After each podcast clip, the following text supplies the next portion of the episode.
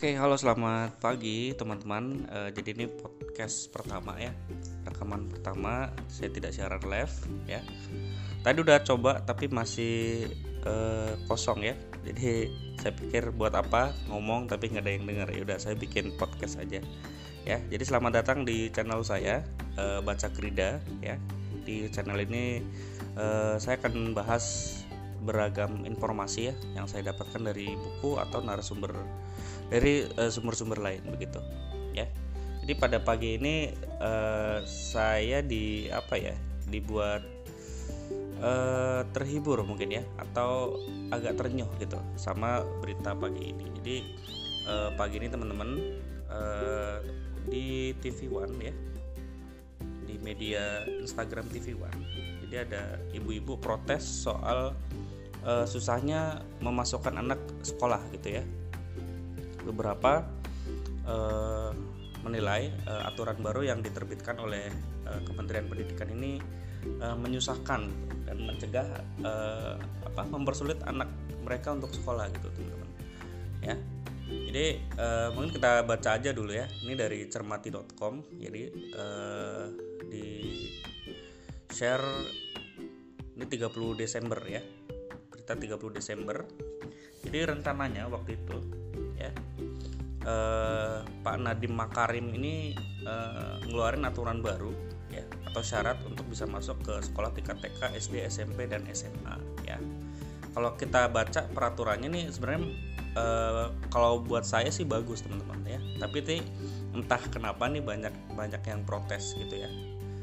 Banyak yang protes, banyak yang eh, apa namanya menilai ah nih nggak bener nih gitu. Ini orang mau sekolah aja susah gitu ya kita baca aja ya jadi persyaratan tentang pendidikan ini ya ini tertuang dalam peraturan Mendikbud nomor 44 tahun 2019 tentang penerimaan peserta didik baru atau disingkat dengan PPDB ya. Jadi kalau belum tahu PPDB itu apa ya, PPDB itu eh, singkatan dari penerimaan peserta didik baru. Untuk taman anak-anak atau TK, sekolah dasar, sekolah menengah pertama SMP, sekolah menengah atas, SMA dan sekolah menengah kejuruan ya. Jadi di peraturan terbaru ini di Permendikbud 44 tahun 2019 ini uh, hanya uh, membat apa namanya membahas hanya sampai SMK saja ya, tidak sampai ke perkuliahan. Oke. Uh, kita lanjut. Jadi untuk masuk TK syaratnya ya menurut Permendikbud terbaru ini ya untuk masuk TK berusia lima tahun ya. Jadi di bawah itu e, berarti masuknya ke playgroup ya atau kelompok bermain ya. Di usia lima tahun atau paling rendah empat tahun untuk kelompok untuk TK kelompok A ya TKA gitu ya. Untuk e, eh, TKB itu berusia enam tahun atau paling rendah lima tahun ya. Jadi itu untuk masuk TK untuk syarat masuk SD ya kelas 1 berusia 7 tahun sampai 12 tahun ya. Paling rendah berusia 6 tahun pada tanggal 1 Juli tahun berjalan. Terus uh, terus selanjutnya sekolah wajib menerima siswa yang berumur 7 sampai 12 tahun. Oke. Okay. Uh, eh, lalu nah ini ya. Mungkin uh, poin ini poin yang akan saya bacakan ini yang yang terlewat sama orang-orang ya. Diperbolehkan masuk SD pada usia 5 tahun ya diperbolehkan ya diperbolehkan masuk pada usia 5 tahun ya. 6 bulan eh, pada tanggal 1 Juli ya. Jadi kalau anak eh, kalau anak-anak sudah umur 5 tahun setengah 5 tahun 6 bulan pada tanggal 1 Juli di tahun berjalan eh, itu sudah boleh sekolah ya dengan catatan memiliki potensi kecerdasan atau bakat istimewa dan kesiapan fisik psikis yang yang dibuktikan dengan rekomendasi tertulis dari psikolog profesional ya jadi mungkin ibu-ibu yang pada protes ya atau bapak-bapak masyarakat ya netizen 62 yang yang protes nih ini Pak Nadiem Makarim bener nih kalau ngeluarin aturan gitu ya. Suka aneh gitu katanya ya. Jadi nggak bener nih Pak Nadiem ya. Ya Anda baca Pak mestinya ya. Ibu-ibu baca nih ya. Ibu-ibu baca bapak-bapak baca masyarakat semua baca nih ya. Teman-teman baca ya nih jadi usia masuk minimal tuh lima tahun teman-teman. Lima tahun ya lima tahun enam bulan pada tanggal 1 Juli di tahun berjalan ya. Jadi uh, kalau kita punya adik ya atau punya anak nih buat ibu-ibu yang kali aja uh, denger ya. Umurnya sekarang lima tahun uh, berapa ya? Ini kan ini udah Juli ya lima tahun enam bulan. Atau uh, apa namanya? Ini misalkan tiga bulan lagi gitu tiga bulan lagi uh, baru usia lima tahun enam bulan ya belum bisa masuk ya. Ini yang diperbolehkan uh, di tanggal 1 Juli ini nih udah lima tahun setengah ya. Lima tahun setengah ini udah bisa SD teman-teman. Dengan dengan dengan persyaratan ya memiliki potensi kecerdasan atau bakat istimewa dan pes, kesiapan psikis ya. Ini ngetesnya di psikolog ya. Harus ke psikolog nih ya. Jadi bukan berarti tidak boleh ya tidak berarti nunggu uh, sekolah aja nunggu tua gitu kata netizen ya. Di yang komen-komen tuh ya. Sekolah aja nunggu tua ribet gitu. Sekolah aja susah. Ya lebih susah dulu pak sekolah. Ya. Jadi kalau uh, mungkin teman-teman yang angkatan 90-an ya coba deh nanya ke orang tuanya ke bapaknya. Yang sekolah ya yang bapaknya sekolah nih mohon maaf kalau yang enggak sekolah dia tanya aja sama, sama mereka tuh pak dulu waktu sekolah gimana? Ya. jawabannya lucu-lucu bapak dulu sekolah nyeker gitu katanya. Sekolahnya kayak pak. Jalan ya boro-boro kayak sekarang dianterin ya. Atau dijemput pakai bis ya jemputan telat aja ngomel-ngomel tuh mama. Ya. Kalau zaman dulu tuh nyeker pak. Ke sekolah tuh nyeker boro-boro pakai sepatu. Sendal aja nggak ada tuh susah zaman susah waktu itu ini buat angkatan 90-an deh ya. 95 ke bawah ya. 95 95 ke atas mungkin orang tuanya udah agak enak gitu sekolah. Ya. Itu. Jadi bukan tidak bukan ribet ya. Bukan dipersusah justru ini aturan ini malah bagus sih kalau kalau buat saya ya. Kalau buat saya ini e, bagus gitu.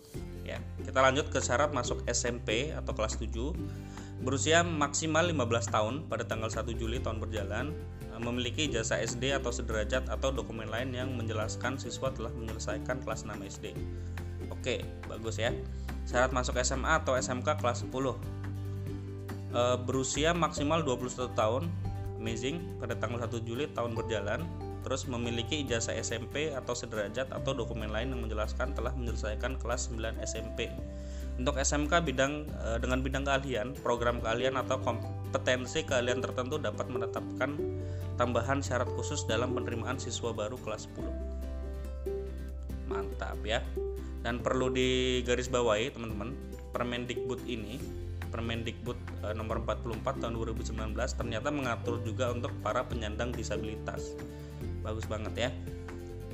Saya bukan ini ya, bukan buzzer bayaran Panadim ya. Ini e, pure e, pendapat dari gue sendiri gitu ya. Kalau orang-orang mungkin pada protes ke Panadim, kalau gue enggak sih ya. Kalau gue lebih lebih setuju dengan Permendikbud ini.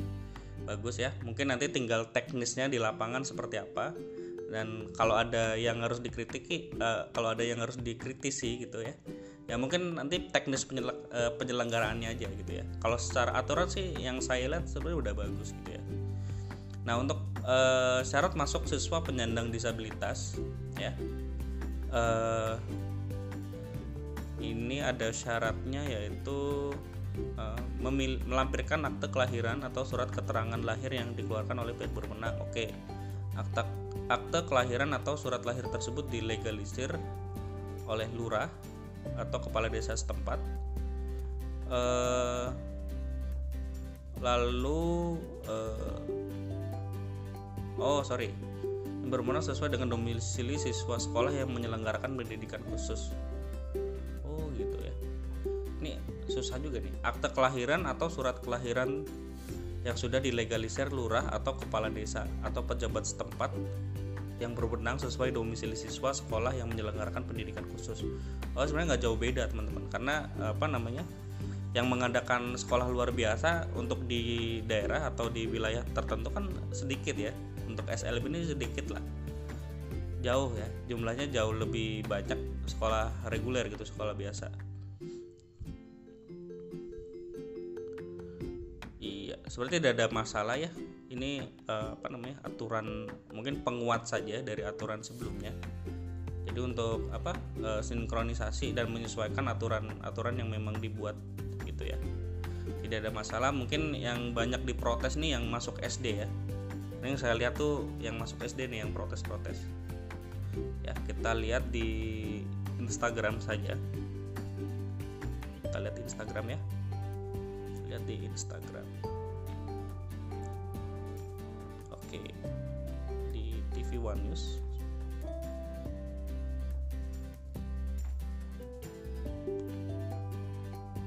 oke saya cari dulu teman-teman beritanya. Nah ya. Ini berita dua hari yang lalu berarti tanggal 20 28 29 sorry 29 Juni 2020 ya. Hmm, kita baca aja komentarnya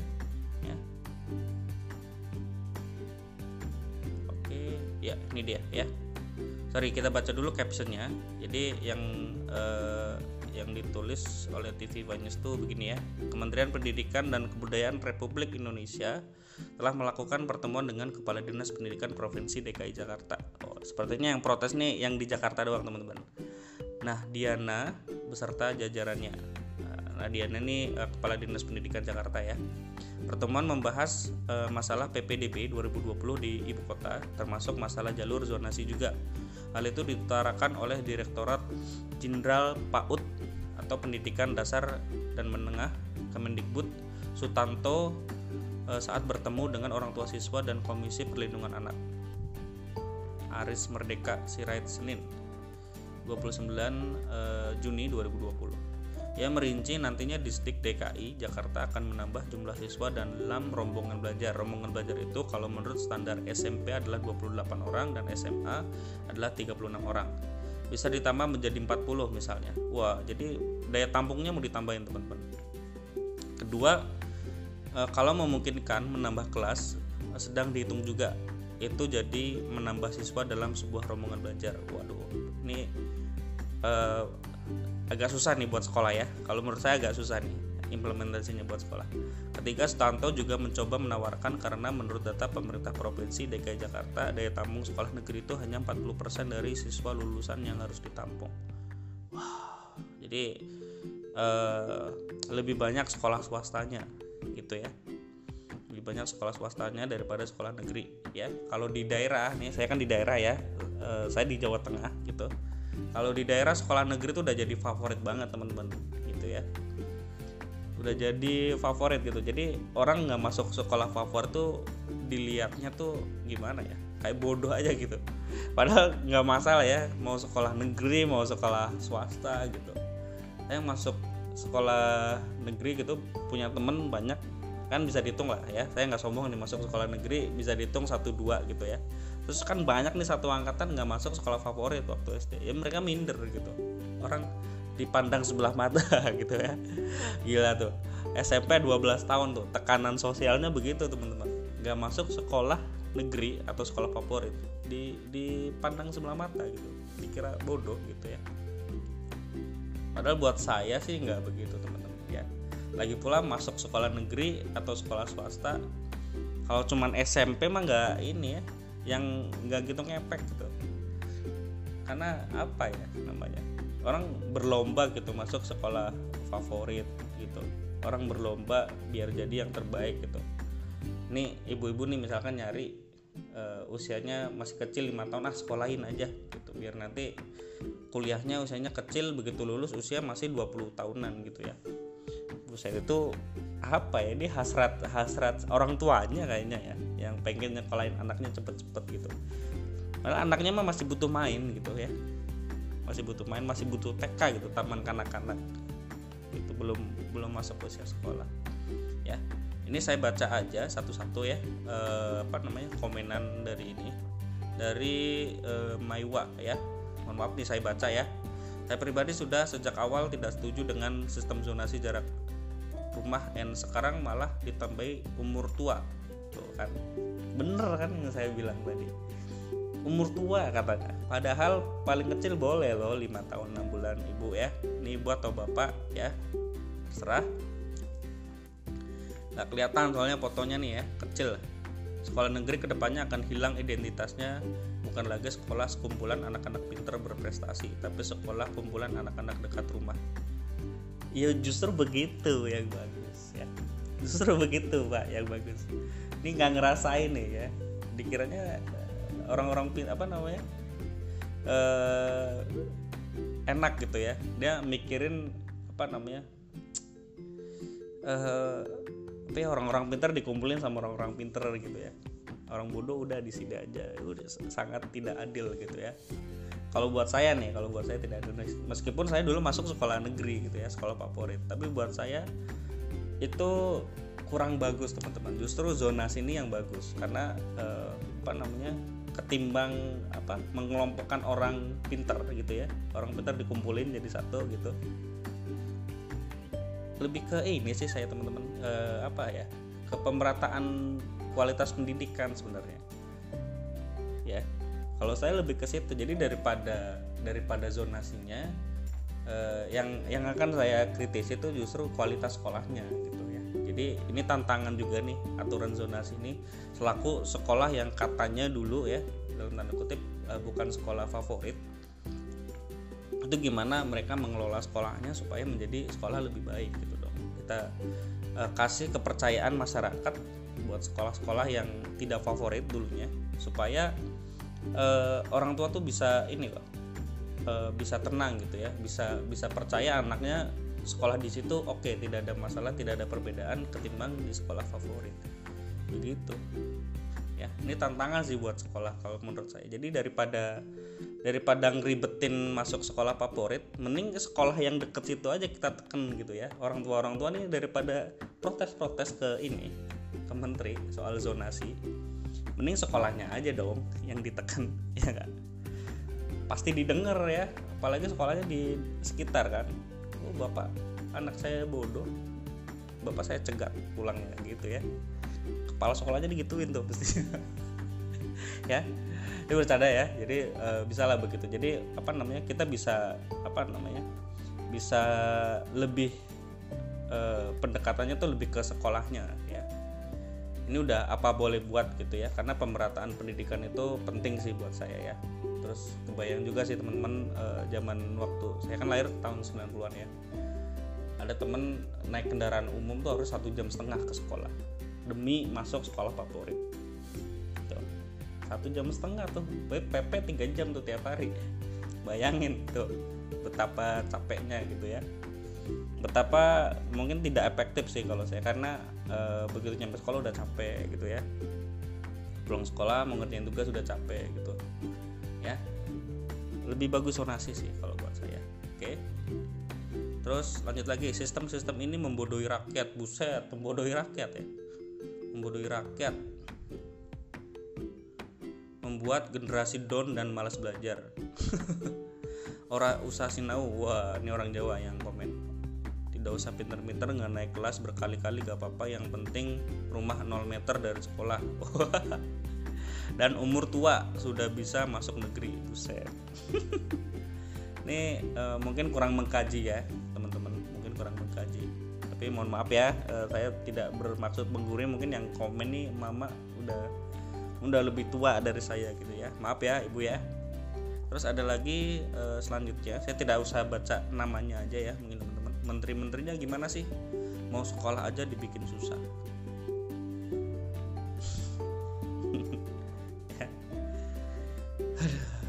Lebih susah dulu pak sekolah pak. Anda pernah pulang sekolah jalan kaki? Setengah jam jalan kaki. Ya. Lebih susah dulu pak. Sekarang lebih mudah. Biar dekat orang sekolah nggak usah jauh-jauh dekat. Lebih mudah dong ya ya untuk usia eh, gimana ya? Jadi ada teman-teman usia apa namanya usia usia kematangan psikis anak untuk belajar tuh ada. Jadi kalau anak secara psikis belum matang dipaksakan sekolah ya hanya akan ini ya hanya akan membuat kasihan anak gitu ya. Ini ya mungkin untuk orang tua atau yang punya keponakan gitu ya kasih tau lah itu bibinya atau tantenya gitu ya. Ya kalau memang anaknya belum siap secara psikis ya kasihan anaknya gitu ya. Jangan karena malu gitu. Ada anda malu tapi anak kasihan lebih milih mana gitu ya. Nah ya pastikan dulu ke psikolog untuk tes kematangan ya. Psikolog ya. Harus tes kematangan. Yang untuk psikolog nih karena apa namanya mudah-mudahan eh, menampung ya. Saya nggak tahu nih saya jarang sih ngelihat eh, apa namanya tempat layanan untuk psikolog gitu ya.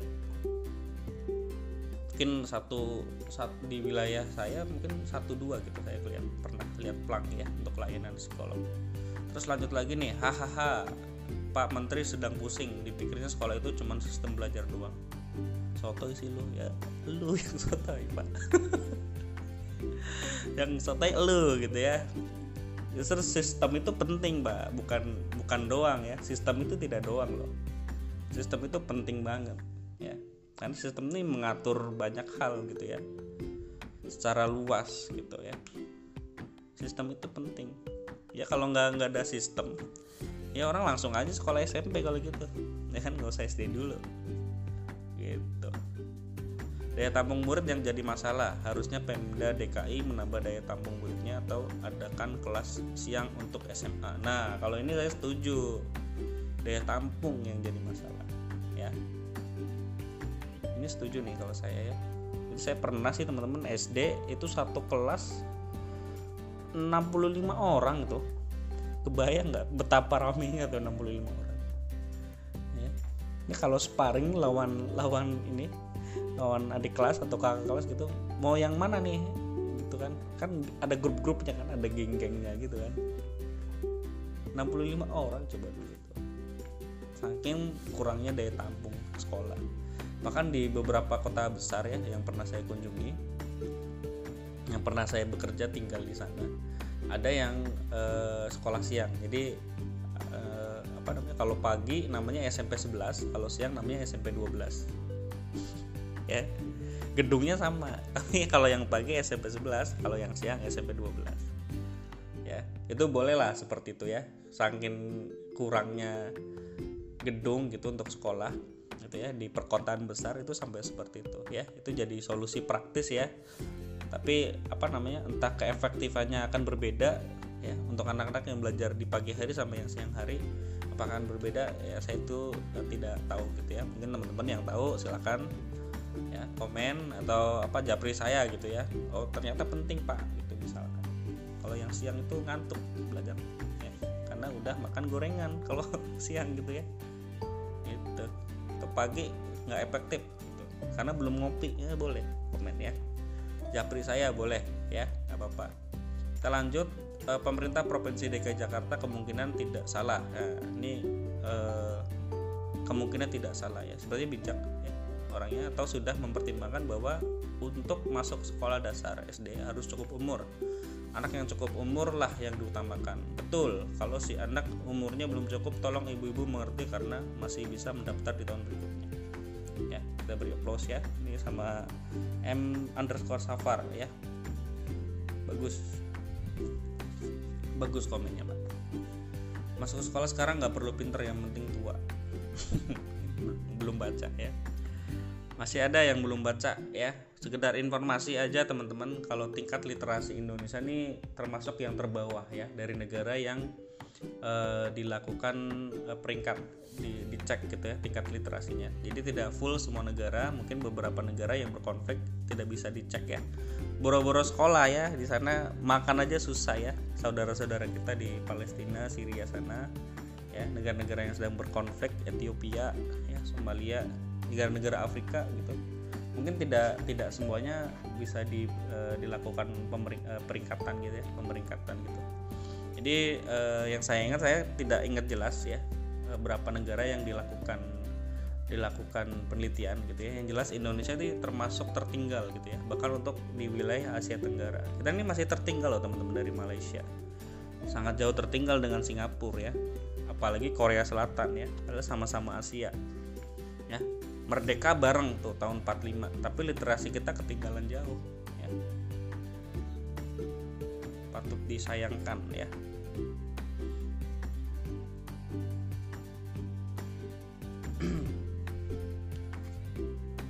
Ya saya napas dulu teman-teman ya. Nah, jadi mungkin uh, saya cerita aja ya teman-teman uh, di wilayah saya nih uh, bahkan banyak ya. Mungkin orang-orang berpikir uh, kayak penting banget gitu masuk sekolah yang uh, negeri gitu, masuk sekolah ke favorit. Padahal uh, jika saya bandingkan ya uh, untuk sekarang, saya kan kuliah nih sampai lulus ya kan sekarang kerja gitu. Sama teman saya yang bahkan tidak lulus SMP, tidak lulus SMA mereka udah mapan pak. Mereka udah nyari duit dari usia berapa ya. Masih di bawah umur mereka udah udah belajar di jalan gitu ya. Gimana caranya nyari uang gitu. Ya jelas aja sekarang mereka tuh udah uh, udah punya karyawan bahkan teman-teman ya. Teman saya nih ya uh, tidak lulus SMA memang mungkin secara pendidikan secara apa ya namanya ya uh, bagaimana apa namanya bagaimana mereka uh, memikirkan suatu masalah gitu ya. Mungkin tidak seluas orang-orang yang belajar di kampus gitu. Tapi tidak untuk untuk uh, permasalahan konkret di lapangan ini orang-orang yang apa namanya yang justru udah duluan terjun di dunia kerja gitu. Yang mereka tuh lebih pengalaman. Ya bayangkan ya teman-teman eh, saya umur 24 lulus kuliah. 24 lulus kuliah teman saya 24 udah nikah udah punya karyawan. Tuh ya kan? Jadi eh, pendidikan penting ya. Kalau memang eh, kalian ada cita-cita gitu. Kalau cuman sekolah-sekolah aja mah buat apa gitu? Mending karuan kayak temen saya kan ikut dagang. Ya belajarnya di dagang itu yang ngajarin si bosnya itu kan. Suruh belanja begini ya kan. Bedain mana nih mana bahan makanan yang bagus mana bahan makanan yang jelek. Kan ini jualan makanan teman-teman. Ya. Kalau tata boga kalah itu sama yang kayak begitu. Ini kan praktek langsung gitu. Tapi mungkin menunya tidak sebanyak yang sekolah di uh, jurusan masak gitu di jurusan tata boga. Begitu ya terus apa ya mungkin apa ya uh, masih ini gitu ya uh, saya menilainya sih ya saya tidak tidak tidak memukul rata semua ibu-ibu ya. Yang saya rasakan untuk di lingkungan saya sendiri orang tuh pada bangga gitu kalau anaknya bisa sekolah usianya masih kecil tuh udah sekolah gitu. Masih enam tahun misalkan udah sekolah yang lain tujuh tahun baru sekolah. Kayak sebuah kebanggaan gitu buat ibu-ibu tolonglah ya. Kasihan gitu ya. Anda pernah berpikir tidak ya bagaimana perasaan orang-orang yang dianggap bodoh di lingkungan?